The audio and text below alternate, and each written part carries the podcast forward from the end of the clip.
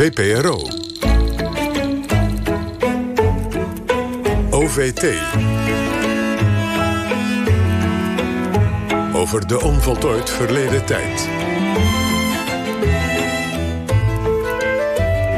Met Laura Stek en Jos Palm. Goedemorgen en welkom bij onze laatste uitzending van het jaar tijdens Storm Bella. In het tweede uur praten we met journalist Paulien Terrehorst... die een mysterieuze Gucci-koffer op de kop tikte... met 19e-eeuwse jurken, bondkragen en aanzichtkaarten. Waar het spoor van de koffer haar heen bracht... en wat natiebaas Herman Geuring ermee te maken had... dat hoort u zo. Dan is ook Sana Valiolina hier voor de column... en hebben we een documentaire over meestergoochelaar Fred Kaps die 40 jaar geleden overleed. Maar nu eerst ons in memoriam. Het was een van de meest ontregelende jaren sinds tijden. We zagen dagelijks de grafieken met coronabesmettingen en er waren coronadoden.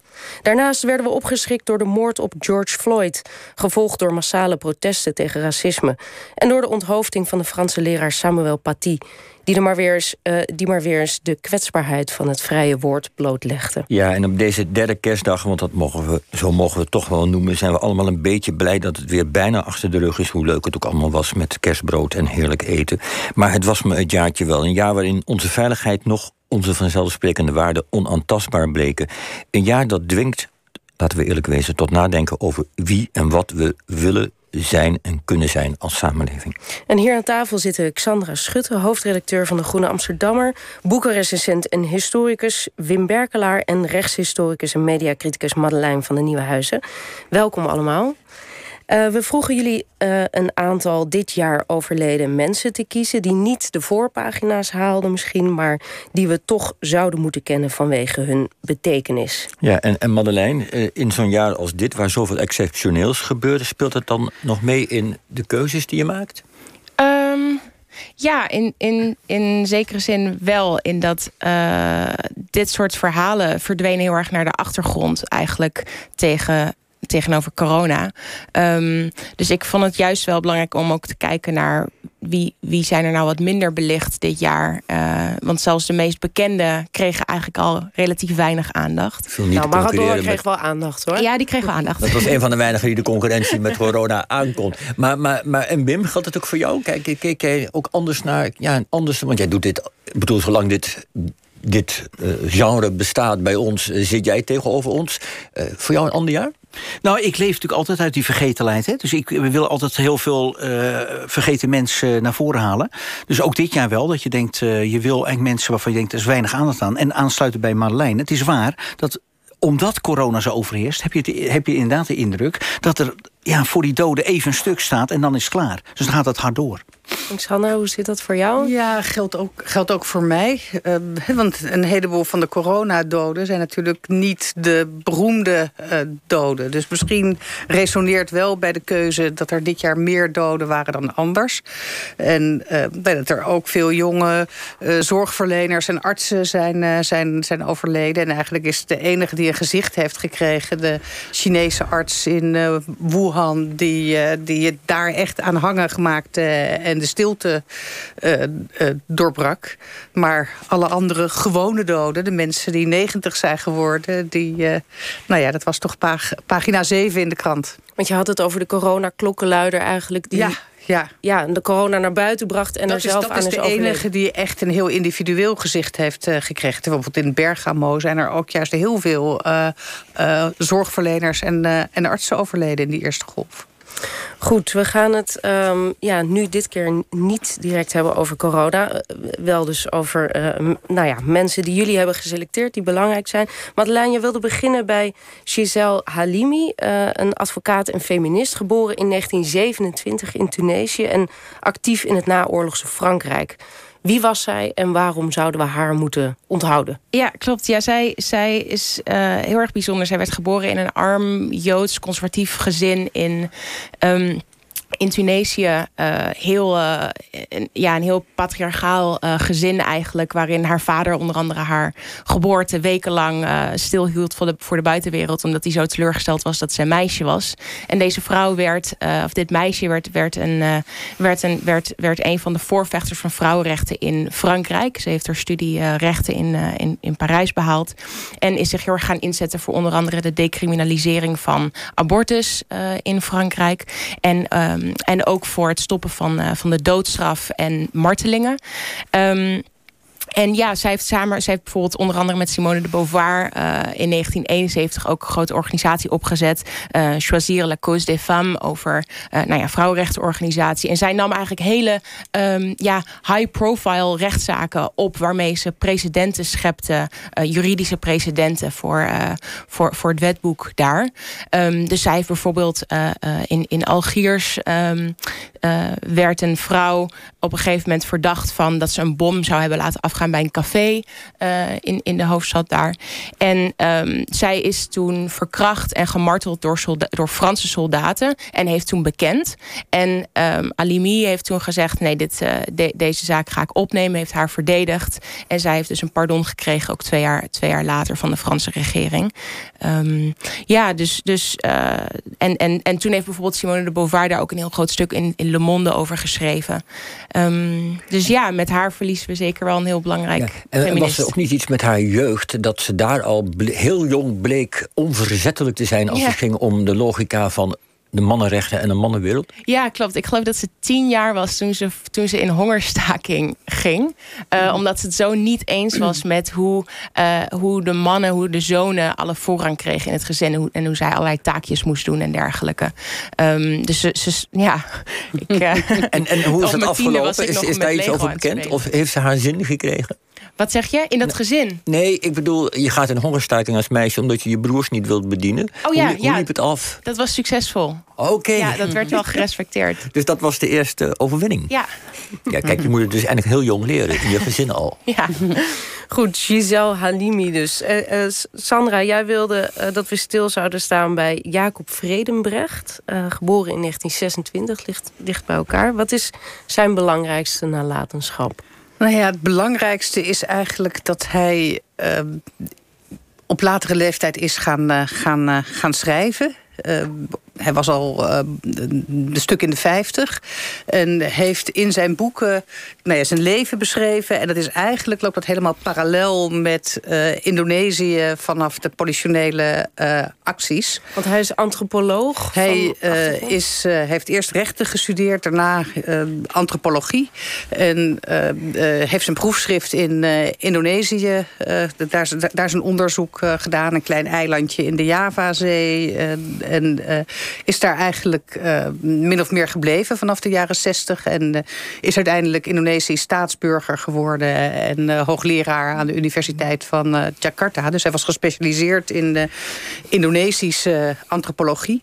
En hij was ook ja, vermaard kunstverzamelaar. Hij heeft, heeft een enorme, prachtige verzameling. Hij woonde, nou, dat weet ik alleen uit interviews hoor... maar um, kilometer of twaalf buiten Jakarta... op een zelfgebouwd land goed. Uh, te midden met, met geadopteerde kinderen en uh, te midden van geweldige kunstschatten. Hij heeft ook nog een boek over, of twee boeken, meerdere boeken over Jayak uh, kunsten geschreven. Dus, dus hij was van alle markten thuis. Maar later heeft hij een keer een verhaal geschreven. De schrijfster Aya Zikke, die een jeugd in Indonesië had en, en ook mooie boeken heeft geschreven. Zij tegen hem, schrijf nou nog meer. En hij is zijn hele leven gaan opschrijven. En, en wat bijzonder is, is nou, hij, was, hij was puber, uh, adolescent in de oorlog, snakte naar ervaringen. Heeft, aan het eind van de oorlog heeft hij zich als vrijwilliger gemeld... en hij wilde eigenlijk tegen de Japanners vechten. Maar goed, de Japanners gaven zich toen over. En toen nou ja, werd hij meteen verscheept uh, om mee te vechten... in de politionele acties. Hij is al heel snel uh, gewond geraakt. Kwam in een ziekenhuis terecht. En daarna in gevangenschap anderhalf jaar. En daar is zijn hele beeld van van Indonesiërs veranderd. Hij werd heel hoffelijk behandeld, kreeg eigenlijk behoorlijke vrijheid. Hij was homoseksueel, dus hij had ook nog allemaal fijne affaires met Indonesische jongens. En nou ja, daarna is hij zich ook gaan inzetten voor de Indonesische vrijheidsstrijd. Maar anders dan Ponke Prinsen, die een tijdgenoot was... en die en natuurlijk hier ook alle kranten heeft gehaald... omdat hij deserteerde en echt de andere kant koos... heeft hij dat niet gedaan. want Jacob Frederik had zoiets van... ja, al die jongens met wie ik uh, moest vechten uh, tegen de Indonesiërs... die zijn misleid door een vijandbeeld dat ik zelf eerst ook had. En ik ben van mijn vijandbeeld afgekomen... toen ik de Indonesiërs beter leerde kennen. Maar ja, en, en daarna heeft hij alles meegemaakt in Indonesië... wat je mee kan, uh, kan, uh, kan maken. Het gekke is dat hij toch een beetje, ondanks die positie die hij koos... Die, die, je, legt al uit, hij koos dat een beetje op een relatief bescheiden manier... in vergelijking met Ponke Prinsen. Ja. Die werd gehaat. Die werd eh, gehaat. in Nederland en, Daar werd zijn staatsburgerschap van afgenomen. En daar was natuurlijk discussie over... of hij überhaupt nog weer naar Nederland mocht.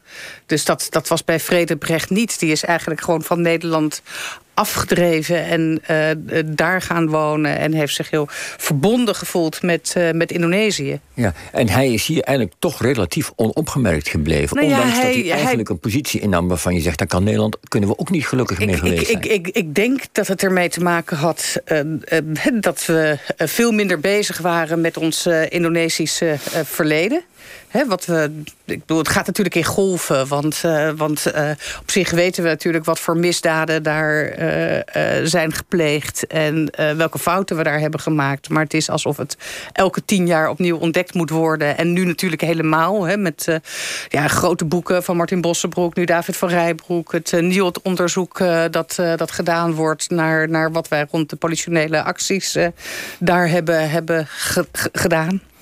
Um, maar ja, ik denk, ik het is wel zo dat hij in de jaren negentig... Uh, uh, behoorlijk wat aandacht kreeg. Hij is toen bij uh, Adriaan van Dis in zijn programma is geweest. Ischa Meijer heeft hem ook uitgebreid geïnterviewd. Dat is ook nog te beluisteren, dat heb ik gedaan. En het, ja, het is ook een beetje een dwars, dwarse man.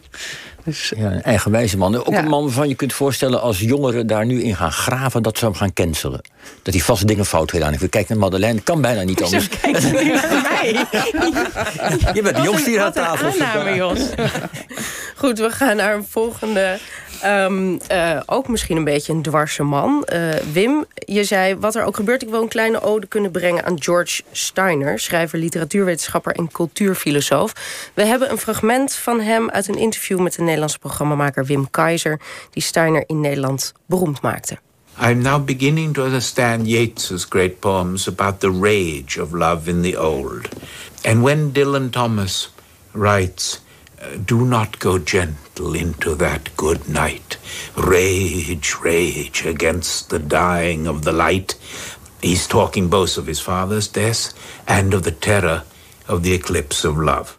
Ja, zo praten ze toch niet meer, Wim? Nou, dat is één wat je is wel eerlijk. Nee, dat is, het is één wat je zegt. En het tweede wat je daar aanraakt... het is ook zo'n hele klassieke uh, intellectueel. Zoals je, nou, die heb je nog wel, maar toen was het echt zo'n... Het, het prototype van de intellectueel. Beetje gedistanceerd, uh, een beetje schoolmeesterachtig, uh, stijfjes. Maar het, het, goede van jullie gekozen fragment vind ik... dat je ziet, en dat is volgens mij een beetje het waarmerk... van de hele eh, persoon van George Steiner... er zit onder al dat rationalisme en dat, dat schrijven... over al die grote intellectuelen, een enorme hartstocht. Er zit een enorme hartstocht in die man. Dat komt dus in dat fragment uit. Hè. Dus ook als je oud bent, dan zit, je, er zit er nog altijd een verlangen in. Dat zegt hij verderop in dat fragment, ik heb het natuurlijk ook nog even verder beluisterd. Uh, ook als je oud bent kun je nog altijd uh, vol vuur staan als je een mooie vrouw ziet. Beetje vergelijkbaar met wat ooit Adriaan Morien, vergeten schrijver, zei. Als hij oud was, liep hij door de stad en zag hij uh, mooie vrouwen en zo. Maar hij nou, heeft over meer nagedacht dan over de liefde, toch? Zeker, zeker. Zijn grote punt is natuurlijk, hoe dan ook,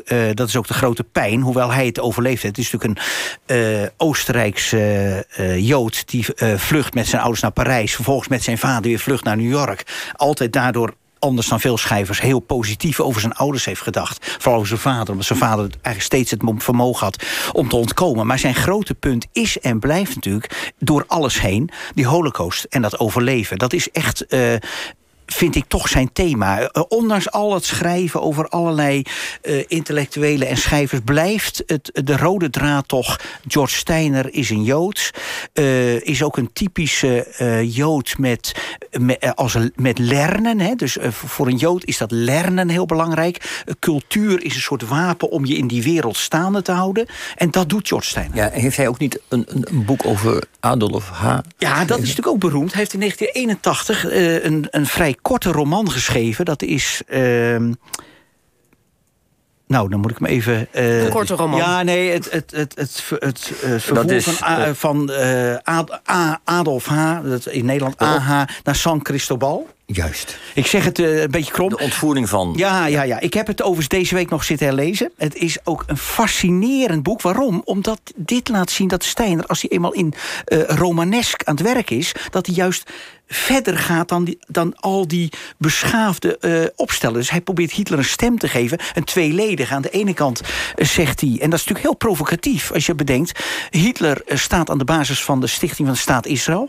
Nou, dat zal niet iedereen nazeggen, omdat voor oorlog in Palestina allerlei al Joden kwamen. Sinds Theodor Herzl 1896 was er al een trek naar, laten we zeggen, Palestina. En het tweede is de Joden, dat is natuurlijk een standpunt wat wel vaker verkondigd wordt, maar bij hem heel pregnant. De Joden zijn het geweten van de wereld en Hitler is één van de mensen die dat geweten moet dood. Dat moet weg. Wij moeten af van het geweten. Nou, dat vind ik prachtig opgeschreven. Goed. Uh, even, voor de, even nog dat boek heel kort. Het is, Hitler leeft nog en is in het Amazonegebied. Ergens loopt hij rond en daar wordt hij ontdekt. Dat ja, hij, hij, wordt, hij wordt gevangen ja. genomen en, en, en ja. A, de Joden praten steeds over Hitler... die hem gevangen genomen hebben en Hitler spreekt. George Steiner dus. Dan gaan we weer naar Madeleine. Je hebt David Graeber uh, gekozen, antropoloog en activist... geboren in 1961. Um, hij overleed afgelopen september en is vooral onder millennials heel uh, populair geworden. Is dat ook de reden dat jij hem wil herdenken? Um, nee, niet per se omdat hij onder millennials populair is... maar wel, wel de reden waarom die dan, waarom die dan populair is... Uh, is denk ik belangrijk om, om uit te lichten. Zeker in het huidige tijdsgevricht. Hij is trouwens ook een van de, denk ik, jongere mensen... die zo, hij was slechts 59, heel plotseling overleden. En um, ja, geboren in, in Manhattan in een, in een linksige ja, commune-achtige setting. Ik geloof in, in Chelsea. Um, in een, uh, in een gezin van uh, vader die heeft gevochten in de, in de Spaanse burgeroorlog. En een moeder die kleermaakster was. Vrij, vrij simpele achtergrond dus. En hij, um, hij was heel erg gefascineerd door, door hieroglyphen. Aanvankelijk door Maya-hieroglyphen. Toen heeft hij een beurs gekregen om te gaan studeren. Toen is hij antropologie gaan studeren. En van daaruit is hij zich steeds meer gaan interesseren voor um, eigenlijk hoe, uh, hoe, hoe eigenlijk in scheve machtsverdelingen. Um, en hij is gaan kijken naar. Uh, uh, hij is bekend geworden met bijvoorbeeld zijn werk uh, Debt, de schuld, The First 5000 Years. Een boek uit 2011. Waarin hij eigenlijk de geschiedenis van schulden onderzoekt. En dus geïnteresseerd is geraakt in um, eigenlijk het, het, het oude verhaal ontmantelen. Dat we ooit begonnen als nou ja, jagers en verzamelaars. En dat we vooral goederen uitwisselden. Of graan of, of vazen of dat soort dingen. En dat we pas op het moment dat geld zijn intrede deed dat we ook van schuld begonnen te spreken. En hij laat zien, nou, er zijn al veel eerdere kleitabletten waarop, waarop werd bijgehouden wie, wie wat verschuldigd was. En hij is dus geïnteresseerd in die, eigenlijk die ongelijkheid tussen rijke schuldeisers en, en arme schuldenaars. En hoe dat, um, ja, hoe dat, hoe dat ongelijkheden in de, in de hand werkt. Um, en hij was een van de. Hij is, hij is ook heel erg betrokken geweest bij de Occupy Wall Street beweging. Hij is een van de mensen die, uh, die de term. Um, die een deel van de, van de, van de credit voor de term We are the 99% verdient. Um, en hij heeft, uh, hij heeft ook bijvoorbeeld veel geschreven over wat hij dan noemt. Zijn boek heet letterlijk Bullshit Jobs. Uh, hij zat ook in een tegenlicht aflevering daarover. Kan ik ja, ja, waarin die, dus, waarin die, waarin die kijkt naar um, hoe kan het nou dat er vandaag de dag zoveel mensen zijn die eigenlijk hun baan beschouwen als niet noodzakelijk. Als een baan die er net zo goed niet zou kunnen zijn. Of dat nou mensen zijn die werken als lobbyisten of in de PR of uh, al die zeg maar miljoenen administratieve baantjes. Ehm, hoe kan het nou dat zoveel mensen werk doen waarvan ze eigenlijk denken: ja, volgens mij kan de wereld zonder mij? Ehm, en hij is bijvoorbeeld ook heel erg geïnteresseerd in, uh, in, in econoom uh, John Maynard Keynes, die in de jaren 30 zei: aan het eind van deze eeuw gaan we waarschijnlijk toe naar een werkweek van nog maar 15 uur, want technologie. En, en Graeber die ziet eigenlijk als antropoloog, die ziet technologie heeft ons niet vrijer gemaakt. Ze heeft ons juist harder doen gaan werken. Um, dus ja, super, super interessant. Ook controversieel figuur. Hij heeft een tijd bij Yale gewerkt, universiteit in, uh, in de VS. En is daar ook uh, is daar op een gegeven moment ontslagen. Of nou ja, hij noemt het ontslag. Zij, zij noemen het iets anders. En hij is toen, um, ja, hij, hij, heeft toen 4500 mensen hebben toen een petitie ondertekend dat hij ontslagen zou zijn om politieke redenen. Omdat hij toch wel anarchistisch is. Heel ongewoon binnen academia. En toen is hij naar LSE gegaan in Londen en heeft daar uh, doorgewerkt eigenlijk tot nu. En dat is ook wel grappig. Ik las dat uh, er komt een nieuw boek van hem uit komend jaar. Uh, samen met iemand anders geschreven. Dus, dus die komt nog. En zijn nalatenschap leeft stellen hierover? Ik, ik, ben even benieuwd naar zijn analyse. Wat is zijn analyse, Madeleine, van die bullshit jobs? Waarom? Wat is zijn antwoord op de vraag? Wim? Nee, ga door, sorry. uh, nou, mijn, mijn vraag, wat is zijn uh, analyse en antwoord op de vraag... waarom me, zoveel mensen vinden dat ze een bullshit job hebben? Um, omdat heel veel van die banen heel ver af zijn komen te staan... van, van, van werkelijk inhoudelijk werk. Dus heel veel mensen die werken de hele dag in Excel sheets uh, waarvan ze het resultaat nooit zien. Dus het is, het is niet per se dat hij zegt het zijn ook per se bullshit jobs, maar het wordt wel zo ervaren. Maar het is natuurlijk heel interessant, maar daar, hebben we nu geen tijd voor, maar dat je dus werk doet waarvan je zelf niet weet waar het toe leidt. Dat, dat, hoe, even maar aan de toeslagenaffaire te denken, aan de hele ambtenarij die daar zit, die waren ook allemaal dingen aan doen waarvan ze niet wisten wat ze aan het doen waren. Ken ik dat een diepe epidemie in ons systeem. Maar dat doen we een andere keer, maken we een hele aflevering over. Leuk. En we zijn benieuwd uh, naar, naar het boek dat nog uitkomt. Uh, Xandra, jij koos voor Carol Friedman, uh, schrijfster en columniste, geboren in 1952. Een, een vrouw ook met een groot geheim.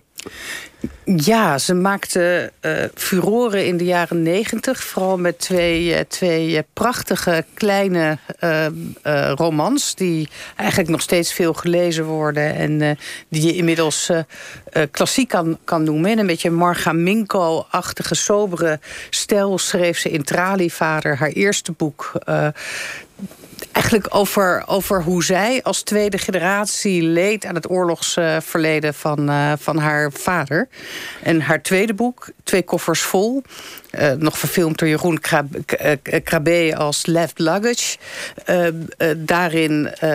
Dat is, dat is wat fictioneler. Dat is niet in de ik-vorm beschrijft ze uh, een twintigjarige studente... die bij een uh, streng orthodoxe Joodse familie in uh, Antwerpen werkt. En ook daarin werkt de oorlog door. Want haar vader is op zoek naar twee, twee koffers... die hij ooit in de oorlog begraven heeft. Waar zijn hele verleden, toen hij uit Berlijn vluchtte... in is opgeslagen. Um, en... Nou ja, zij maakte furoren, ze werd uitgenodigd. Uh, ook op uh, literatuur- en holocaust uh, bijeenkomsten. Haar werk werd opgenomen in Joodse bloemlezingen. En nou, toen werd in 2005 onthuld dat zij niet Joods was. Dat ze niet Karel Friedman heette. Friedman is de achternaam van de man met wie ze getrouwd was... maar van wie ze heel lang gescheiden was. Uh, ze heet eigenlijk Carol, Car Carolina Klop. En uh, ze kwam uit een Brabants uh, katholiek uh, gezin. En nou ja, dat werd echt een groot schandaal. hoewel er eigenlijk ook wel over gezwegen werd. het, werd niet, het werd ook gezegd door Amerikanen... als het hier was gebeurd, dan was het land te klein geweest. En, en hier vonden de kranten het niet heel kies om er groot nieuws van te maken. Het gebeurde meer in columns van Max Pam... Die, die ook schreef, Gert Verderry, wat een eng wijf is die Friedman. Uh, heel, hoe is dat naar. gegaan? Is daar enige analyse van te geven? Van, heeft zij er gewoon altijd... Is dat haar toebedeeld en heeft zij er altijd over gezwegen? Of heeft ze echt expliciet uh, gezegd... Ik, nee, ze heeft Joods, nooit echt, echt, echt, expliciet gezegd... ik ben uh, Joods, maar ze heeft het zich wel laten aanleunen. En ze heeft zich heel erg met de Joodse zaak geïdentificeerd. Hè? Want wat voorop staat is dat haar vader was verzetstrijder. Hij vervalste persoonsbewijzen. En hij is opgepakt en heeft eerst in kamp Vught gezeten... en is later in Sachsenhausen terechtgekomen. dus haar vader had wel degelijk een uh, kampsyndroom. En uh, dat tralievader is daar echt een heel goed uh, uh, boek over. Hè? Want daarin wordt vanuit kinderperspectief beschreven... wat het betekent uh, als je vader...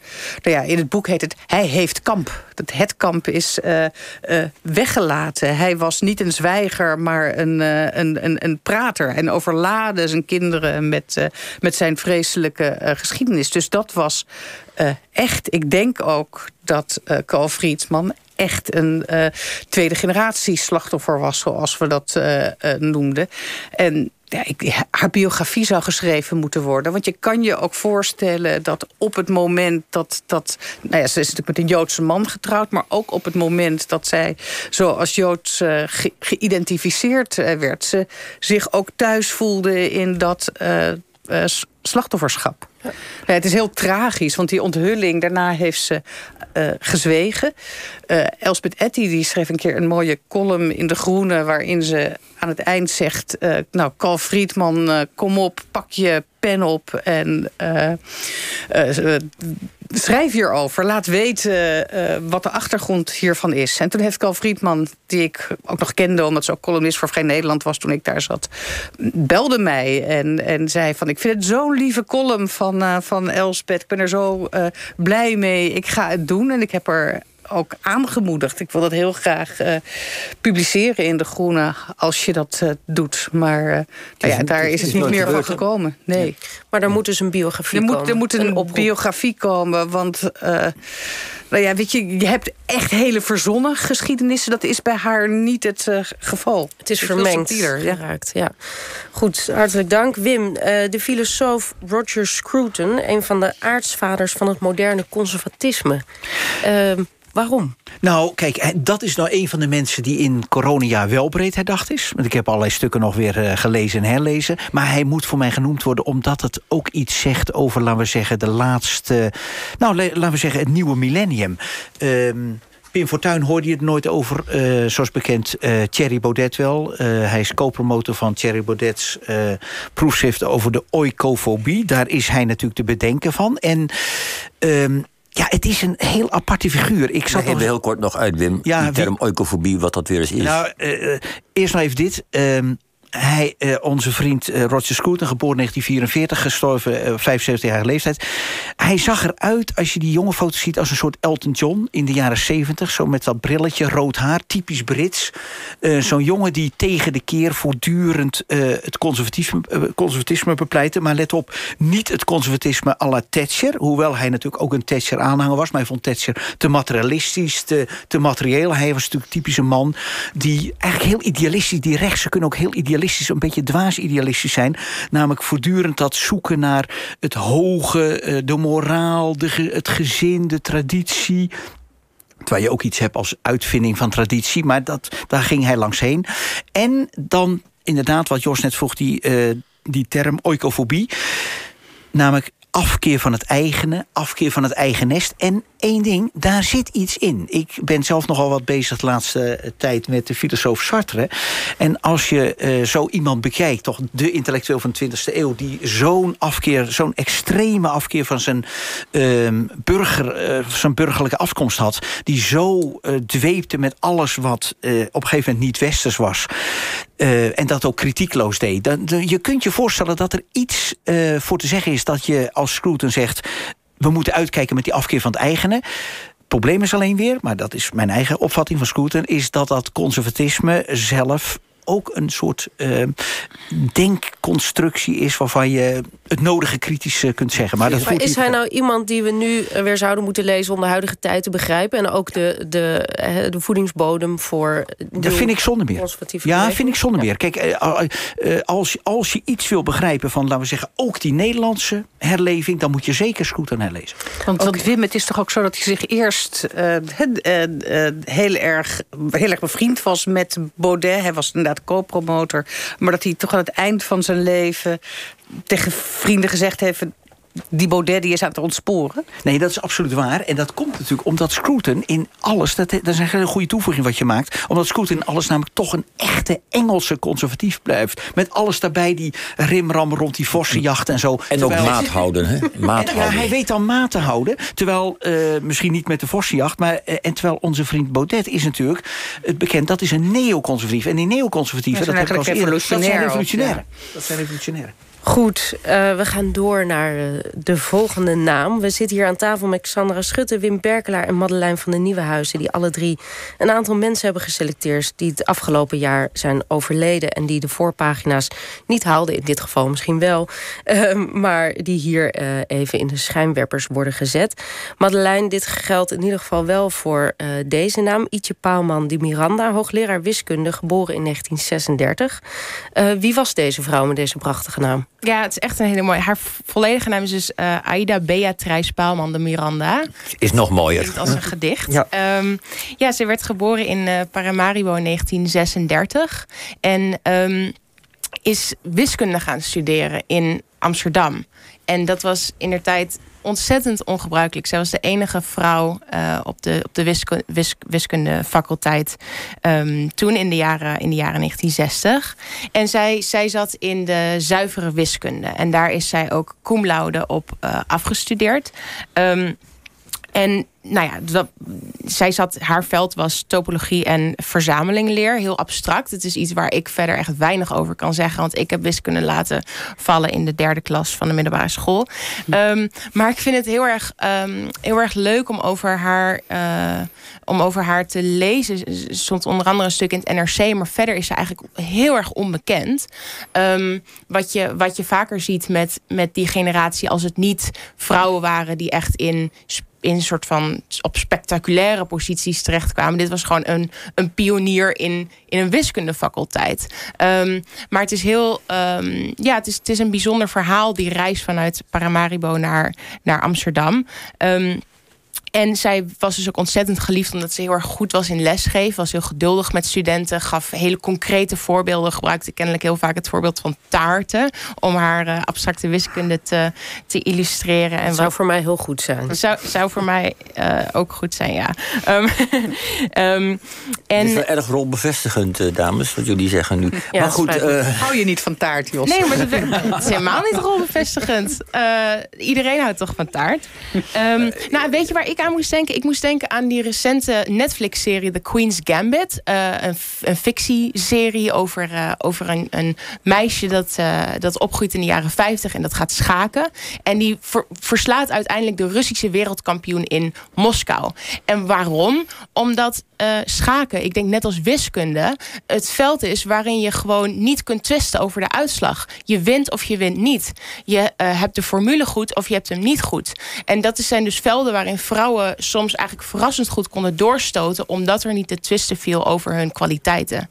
Um, ja. En zij is Mag dus, je hier ja. een anekdote bij vertellen? Als je het kort houdt, Wim. Het is heel interessant wat je nu zegt over dat schaken. Want uh, je had vroeger de schaakgrootmeester Hein Donner... de grote vriend van Harry Moelis. Die zei altijd... vrouwen kunnen niet schaken. Waarop hem, hem een, een, boze brief uh, ten deel viel. Ja, maar meneer, u discrimineert. Want als u zegt... en dan kom ik op Ida Paalman... als u zegt uh, zwarten kunnen niet schaken... dan discrimineert u. Toen schreef hij niet ongeestig terug... ik zeg niet dat zwarten niet kunnen schaken... ik zeg dat zwarte vrouwen niet kunnen schaken. oei, oei, oei. Nou, Geen commentaar. Zeer incorrect, ja, maar toch een, een, mooie grap. Zijn dochter Marjan, Marjan Donner schreef een mooie column in De Groene... waarin ze dit uh, relativeert. Omdat ja. ze zegt, mijn vader zei, er schaken te weinig vrouwen. Als meer vrou uh, vrouwen gingen schaken, dan zou het anders zijn. Heel mooi. Ja, er overleed ook nog een andere briljante vrouwelijke wiskundige trouwens in de, in de VS. Catherine Johnson, betrokken bij de eerste bemande Amerikaanse ruimtevlucht in 61. Hè? Daar is die uh, mooie film Hidden Figures over verschenen. Ja. ja. Dat is misschien ook nog een tip. Ja, zeker. Want ook binnen de ruimtevaart en binnen de luchtvaart... hebben vrouwen ook uh, historisch gezien daar heel weinig uh, uh, erkenning voor gekregen. Dus die verhalen worden wel steeds meer verteld. Het is erg leuk. Goed, de volgende overleden persoon ooit zeer omstreden... leiden we in met een kort fragment. The most mysterious of organs, the female vagina, the vulva, the uterus, and especially the clitoris... Names and information about these organs were suppressed for long periods in Western history, Sexuality, especially female sexuality, is a central key to women's freedom and status. Why? Because male ownership of women's sexuality is what makes patriarchy possible. Ja, het toe-eigenen van het vrouwelijk geslacht werkt patriarchie in de hand. Dat zegt Sure Hyde uh, van het even beruchte als beroemde Hyde-rapport... dat in 1976 opschudding uh, veroorzaakte. Xandra, waarom, uh, waarom zij?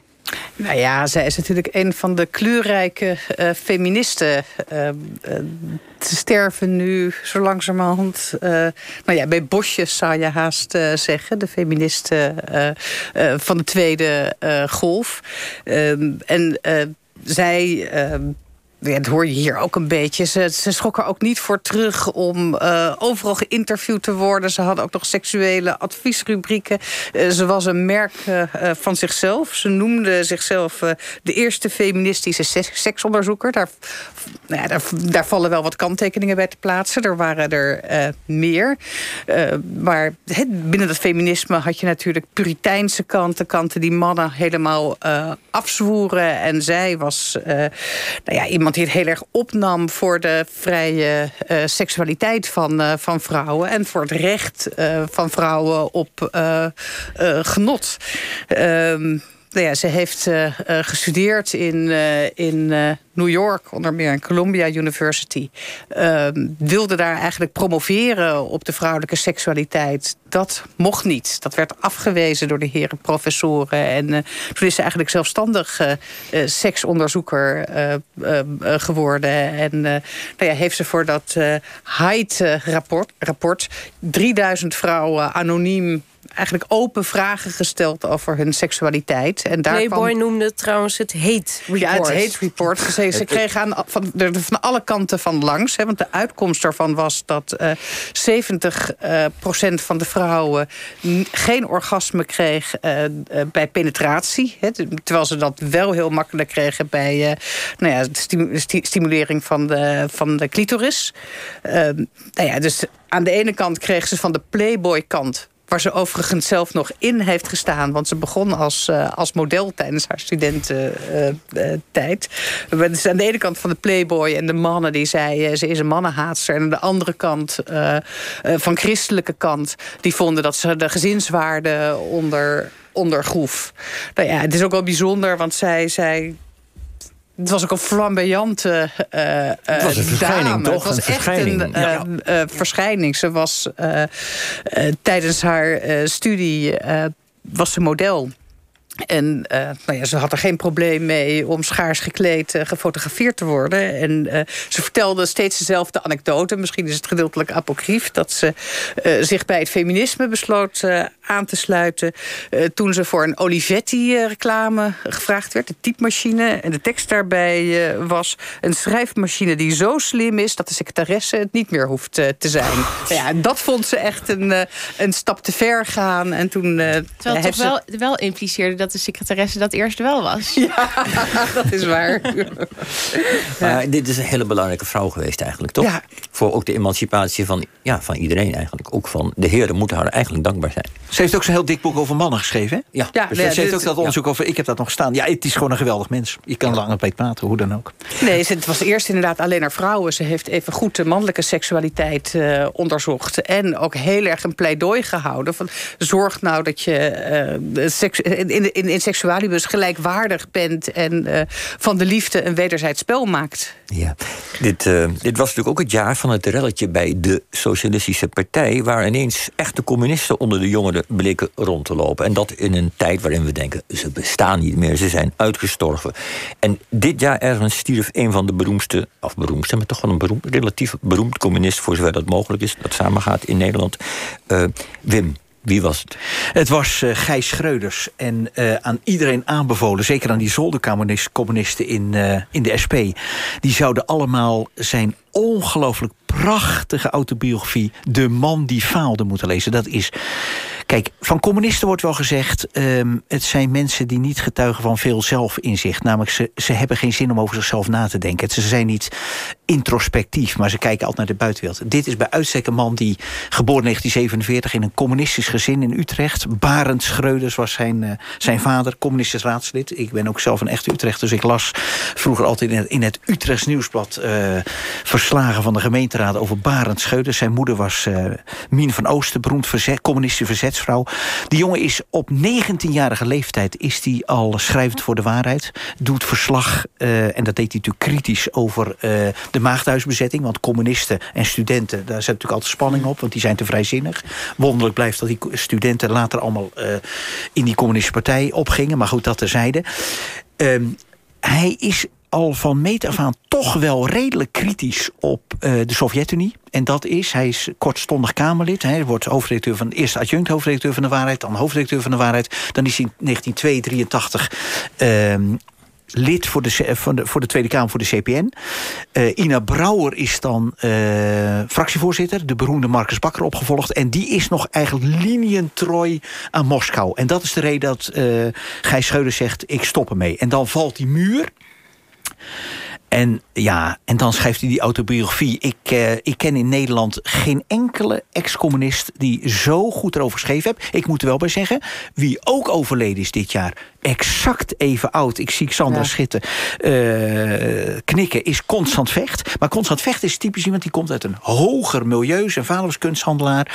Uh, zelf ook kunsthandelaar. Zelf ook kunsthandelaar. En veel van die, van die mensen die communist werden, die babyboomers, die kwamen natuurlijk uit een ander milieu. En daarom ben ik zo sympathiserend met Gijs Scheuders. Kijk, Gijs Scheuders komt er helemaal uit voort, uit het communisme milieu. En die heeft ook in die autobiografie gezegd...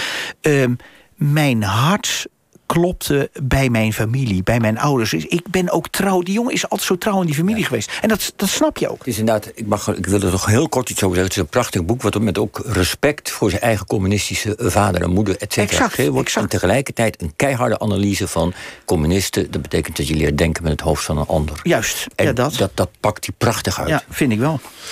En dit jaar overleed ook John Lewis, burgerrechtenbeweging, activist van het eerste uur in Amerika en jarenlang invloedrijk congreslid voor de Democraten. Dit is hem als hij uh, nog piepjong is. I appeal to all of you to get in this great revolution that is sweeping this nation. We must get in this revolution and complete the revolution. We must say, wake up America, wake up, for we cannot stop and we will not and cannot be patient. Ja, Wake Up America roept hij hier in 1963. Madeleine, uh, is het nog steeds een actuele boodschap? Ja, absoluut. Zeker. Ik bedoel, we, zeiden tijdens de introductie... werd, werd George Floyd al genoemd. En natuurlijk ook de, de Black Lives Matter protesten van, uh, van 2020. Um, daarin zie je ook bij het lezen over de, over de dood en over het leven van John Lewis, zie je weer des te helderder gewoon alle, alle lijnen die eigenlijk vanaf de burgerrechtenbeweging vanuit de jaren 50 tot aan nu lopen. En hoe sommige van die teksten gewoon nog uh, verbedem uh, overgenomen zouden kunnen worden vandaag de dag. En John Lewis is een heel uh, groot sleutelfiguur geweest in die burgerrechtenbeweging. Opgegroeid um, in 1940 in een uh, nog geheel gesegregeerd Alabama, Alabama um, in de Verenigde Staten ontmoette uh, Martin Luther King toen hij 18 was. Dus toen Lewis 18 was. En is uh, een aantal jaar later op zijn 23ste de jongste spreker geweest tijdens de March on, on Washington. Nou ja, de hele delen uit die speech die zou, je, die zou je vandaag de dag weer kunnen horen. En die hoor je ook. Um, uh, en ja, hij is, hij is heel erg betrokken geweest bij hele vroege geweldloze acties. Om eigenlijk aandacht te eisen voor, uh, voor segregatie in met name de zuidelijke staten van, van de Verenigde Staten. Dus hij heeft bijvoorbeeld um, uh, heeft hij onderdeel uitgemaakt van. ze gingen op een gegeven moment een bus reizen vanuit Washington DC naar New, naar New Orleans. En toen um, reisden ze met zeven zwarte mannen en zes witte mannen. En gingen ze naast elkaar zitten. En dat mocht eigenlijk niet. Um, en Om dat statement te maken, gingen ze die hele lange busreis op die manier maken. En zijn dus op verschillende punten met honkbalknuppels in elkaar geknuppeld. Hij heeft op een gegeven moment een schedelfractuur opgelopen. Uh, toen hij een paar jaar later in, uh, even kijken welk jaar was het, 1965 geloof ik, van Selma naar Montgomery liep. Um, dus dit is echt een man die Obama bijvoorbeeld ook heeft geëerd, zeggende: dit is iemand die zijn leven op het spel zette. Zij was dan wel onderdeel van die geweldloze tak van, van, van die burgerrechtenbeweging. In tegenstelling tot bijvoorbeeld Black Power met mensen zoals uh, Stokely Carmichael. Um, maar, um, maar heeft zelf heel veel geweld ondervonden. En wat wel interessant is, um, vrij recent, ik, ik weet, ik geloof twee jaar geleden, was er dus iemand die lid was geweest van de KKK, dus van de Ku Klux Klan, die, zijn ex, die 50 jaar na dato zijn excuses heeft, aange, heeft aangeboden voor het in elkaar slaan van hem. En zij hebben dus samen daar ook nog interviews over gegeven. Hij heeft dat geaccepteerd, dat excuses. Um, ja, hele bijzondere, hele bijzondere man. Dus daar zit, daar zit inderdaad hoop dan in. Ja, ja en wat misschien wel mooi is... Hij, de New York Times heeft op de, uh, de dag van zijn, uh, van zijn uitvaart... een, een, een opiniestuk gepubliceerd uh, van, van zijn hand... wat hij dus vlak voor zijn dood heeft geschreven. En daarin zei hij... democratie is geen eindstaat, het is een daad. Een handeling die elke generatie opnieuw moet stutten en versterken. Ja, en is dit nou een man die op dit moment on, in, de, in, de, in de beweging voor die nu gaande is voor gelijke rechten, et cetera. Speelt hij nog, wordt hij geëerd? Want, want hoe, hoe wordt er naar hem gekeken? Ja, zeker. Um, ja, nou ja, uh, je kunt je altijd afvragen... is er zoiets als de beweging? Je hebt altijd verschillende takken. Um, dus ik denk dat er mensen zijn die, die vinden dat hij te geduldig is geweest... of dat hij te geweldloos is geweest. Um, maar ik denk dat niemand zal ontkennen binnen die beweging... dat hij echt uh, uh, ontzettend veel heeft betekend. Hij heeft ook echt 33 jaar in het Huis van Afgevaardigden gezeten... namens de staat Georgia. ontzettend veel betekend, ja. Goed, en van deze Amerikaanse uh, mensenrechtenactivist en politicus... gaan we naar een Russische mensenrechtenactivist. Wel een hele andere, ja, denk ik. ik moet meteen lachen. Ja, uh, het lijkt een kleine stap, maar het is uh, een grote.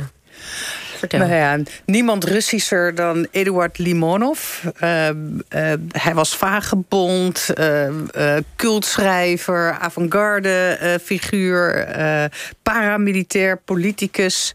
Geweldig dat je hem koos. Geweldig dat je hem koos.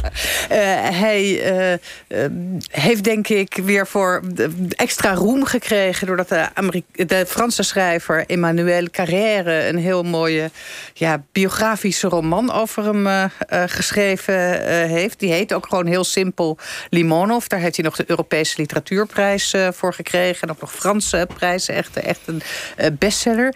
die Limonov werd in 1943 geboren in Kharkov. Ja, en het was ook iemand die niet in de Sovjet-Unie paste. Daar was hij gewoon veel te dwars voor. Hij past volgens mij nergens. Hij, maar goed. Past, hij past uiteindelijk nergens. hij kwam in Moskou terecht. Maakte daar ook deel van de avant-garde literatuurbeweging. Maar zat ondertussen zowel achter de jongens en de meisjes aan... en hield zich aan God nog gebod. Dus hij is het uh, land uitgezet in de jaren zeventig... Uh, nou ja, vanwege insubordinatie. En kwam in New York terecht. Daar kwam hij in Russische migrantenkringen terecht. Uh, nou ja, leefde hij als boordenwasser overhemdenstrijker, portier. Maar zat hij ook in avant-garde uh, kringen. Was nou ja, arm als maar kon. En schreef toen uh, het boek uh, It's Me, Eddie in het Engels. En het Nederlands vertaald als de Russische dichter houdt van grote negers. Um, ja, dat, die titel kan nu niet, denk ik niet meer. Wel maar... een iets, iets andere titel ja. dan het origineel. nou ja, het is wel een sleutelscène erin dat hij uh, zich ook uh, nou ja, door zwarte mannen laat nemen. Om het uh, Reviaans te zeggen. van daaruit ging hij naar Parijs, waar hij ook weer in die kunstenaarskringen kwam, kwam te verkeren. En waar hij dus die Emmanuel Carrère, de schrijver, leerde, leerde kennen. Nou ja, ook daar, hij schrijft ook nog dagboek van een loser. Maar dit, deze man belichaamt in zijn eentje alles wat Poetin haat en Poetin niet wil dat Rusland ja, is. Nou ja, Daar komt dus het eigenlijk op neer, is hij toch? van Parijs ja. toch weer teruggegaan uh, naar Rusland, uh, waar hij in de politiek ging. Nee, heel discutabel, dat beschrijft uh, Carrère ook heel mooi. Dat, hè, hij was uit Parijs verdwenen, hij was daar nou ja, een barbaar, maar onze favoriete barbaars. Dus voor bourgeois, uh, de, bourgeois-Franse literaire wereld. Carrère zag hem opeens weer beelden langskomen... dat hij met Karadzic, hij had de Servische kant gekozen... in de Joegoslavische oorlog... achter een mitrailleur Sarajevo ging, ging beschieten.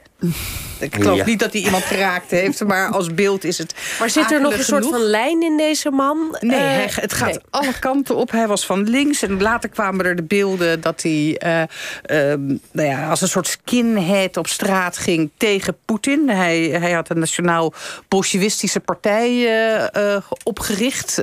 heel erg nationalistisch, eigenlijk voor nou ja, heroprichting van het Stalinisme. Maar het interessante is, dat, dat beschrijft Carrère ook heel goed dat wij geneigd zijn dat alleen maar ja, als heel krankzinnig uh, uh, te zien. Schelm. Maar dat in Rusland dat uh, wel degelijk ook als serieuze politieke kracht gezien werd... vanwege zijn oppositie tegen, tegen ja. Poetin. We, we, moeten deze man nu achter ons ja, laten. je kan hier helaas. over praten. ja, helaas. En, en, een en heel gaan, mooi boek is dat, Limonov. En we gaan naar de allerlaatste van vanochtend. En dat is Rolf Hooghoed, een toneelschrijver. In zijn tijd een controversieel iemand in de jaren 60. Wim, jij hebt hem gekozen. je hebt nog twee minuten om te vertellen waarom. Nou ja, die man die werd uh, op 33-jarige leeftijd als anoniem boekhandelaar uh, en, en boekverkoper wereldberoemd. Ik heb het allemaal, ik heb nog een heel stuk over geschreven. Wereldberoemd. De hele wereld was er vol mee met het toneelstuk De Plaatsbekleder. De, de, de herstelvertreter, wat een, een aanval is op het zwijgen van de Rooms-Katholieke Kerk. En met name uh, Paus Pius XII tijdens de Tweede Wereldoorlog. Ja, die man is eigenlijk altijd controversieel gebleven. Want na dit toneelstuk schreef hij uh, een aantal jaren later, in de jaren 60... doet hij een aanval op Winston Churchill. Hij doet dus eigenlijk altijd een aanval op mensen... die uh, of bij ons heel gezien werden of die onaantastbaar waren. En dat gaat zo ver, hij gaat zelfs te ver... dat hij aan het eind van zijn leven raakt hij bevriend met... of dat is hij eigenlijk al vrij vroeg, maar hij blijft bevriend met David Irving... de beruchte holocaustontkenner. Uh, een en beetje Limanovje op zijn manier. Ja, dus. nee, Hooggoed heeft ja. beslist ook Limanov trekken. Het verschil is met Limanov is natuurlijk, dat wou ik nog zeggen... dat is natuurlijk zelf een levend Dat is Hooggoed niet. Het blijft natuurlijk ook een beetje een steile, stijve protestant. Maar het is natuurlijk een man met ontzettend veel lef. En hij documenteert zich wel tamelijk goed. Hij, heeft wel, hij doet de paus niet helemaal recht met dat zwijgen. Maar goed, dat voert hier iets te ver. Maar het is wel een man die, als hij iets uh, aangaat... doet hij het heel serieus. En hij durft gewoon steeds controversieel positie te kiezen... wat debat uh, uitlokt. En als historicus zeg ik, heel interessant... want al die discussies over de rol van Winston Churchill... of de rol van de paus... Um, die geven hem geen gelijk, maar geven wel aan dat het debat nodig is en noodzakelijk is. En daar heb je een lastpost, want gewoon het hoofd van die man al. Die man is een geboren lastpost, gewoon uh, eigenwijs. Als jij ja zegt, zegt hij nee. En je zegt, die heb je nodig om je, je eigen gedachten te scherpen. Beslist, of... beslist. Ja, daarom beslist waard om ook hier te herdenken. Goed, hartelijk dank uh, Xandra Schutte, Wim Berklaar en Madeleine van de Nieuwenhuizen... voor jullie betoog. Uh, en dit in memoriam. Um, en afgelopen week overleed ook de van oorsprong Rotterdamse dubbelspion George Blake. Dat werd gisteren bekend. Hij werkte voor de Britten toen hij besloot voor de Sovjet-Unie te gaan werken. En onze oud-collega Hans Olink interviewde hem uitvoerig over zijn werk en over zijn leven. En dat programma staat nu op onze site. Dus www.vpro.nl slash OVT. Straks na het nieuws van 11 uur het verhaal van een oude Gucci-koffer... gevuld met jurken en bondkragen en aanzichtkaarten... die een vergeten wereld blootlegt. En er is een column van Sana Valiolina... en een documentaire over goochelaar Fred Kaps... die 40 jaar geleden overleed. En uh, nou, nogmaals heel hartelijk dank voor jullie komst. Graag. Graag gedaan.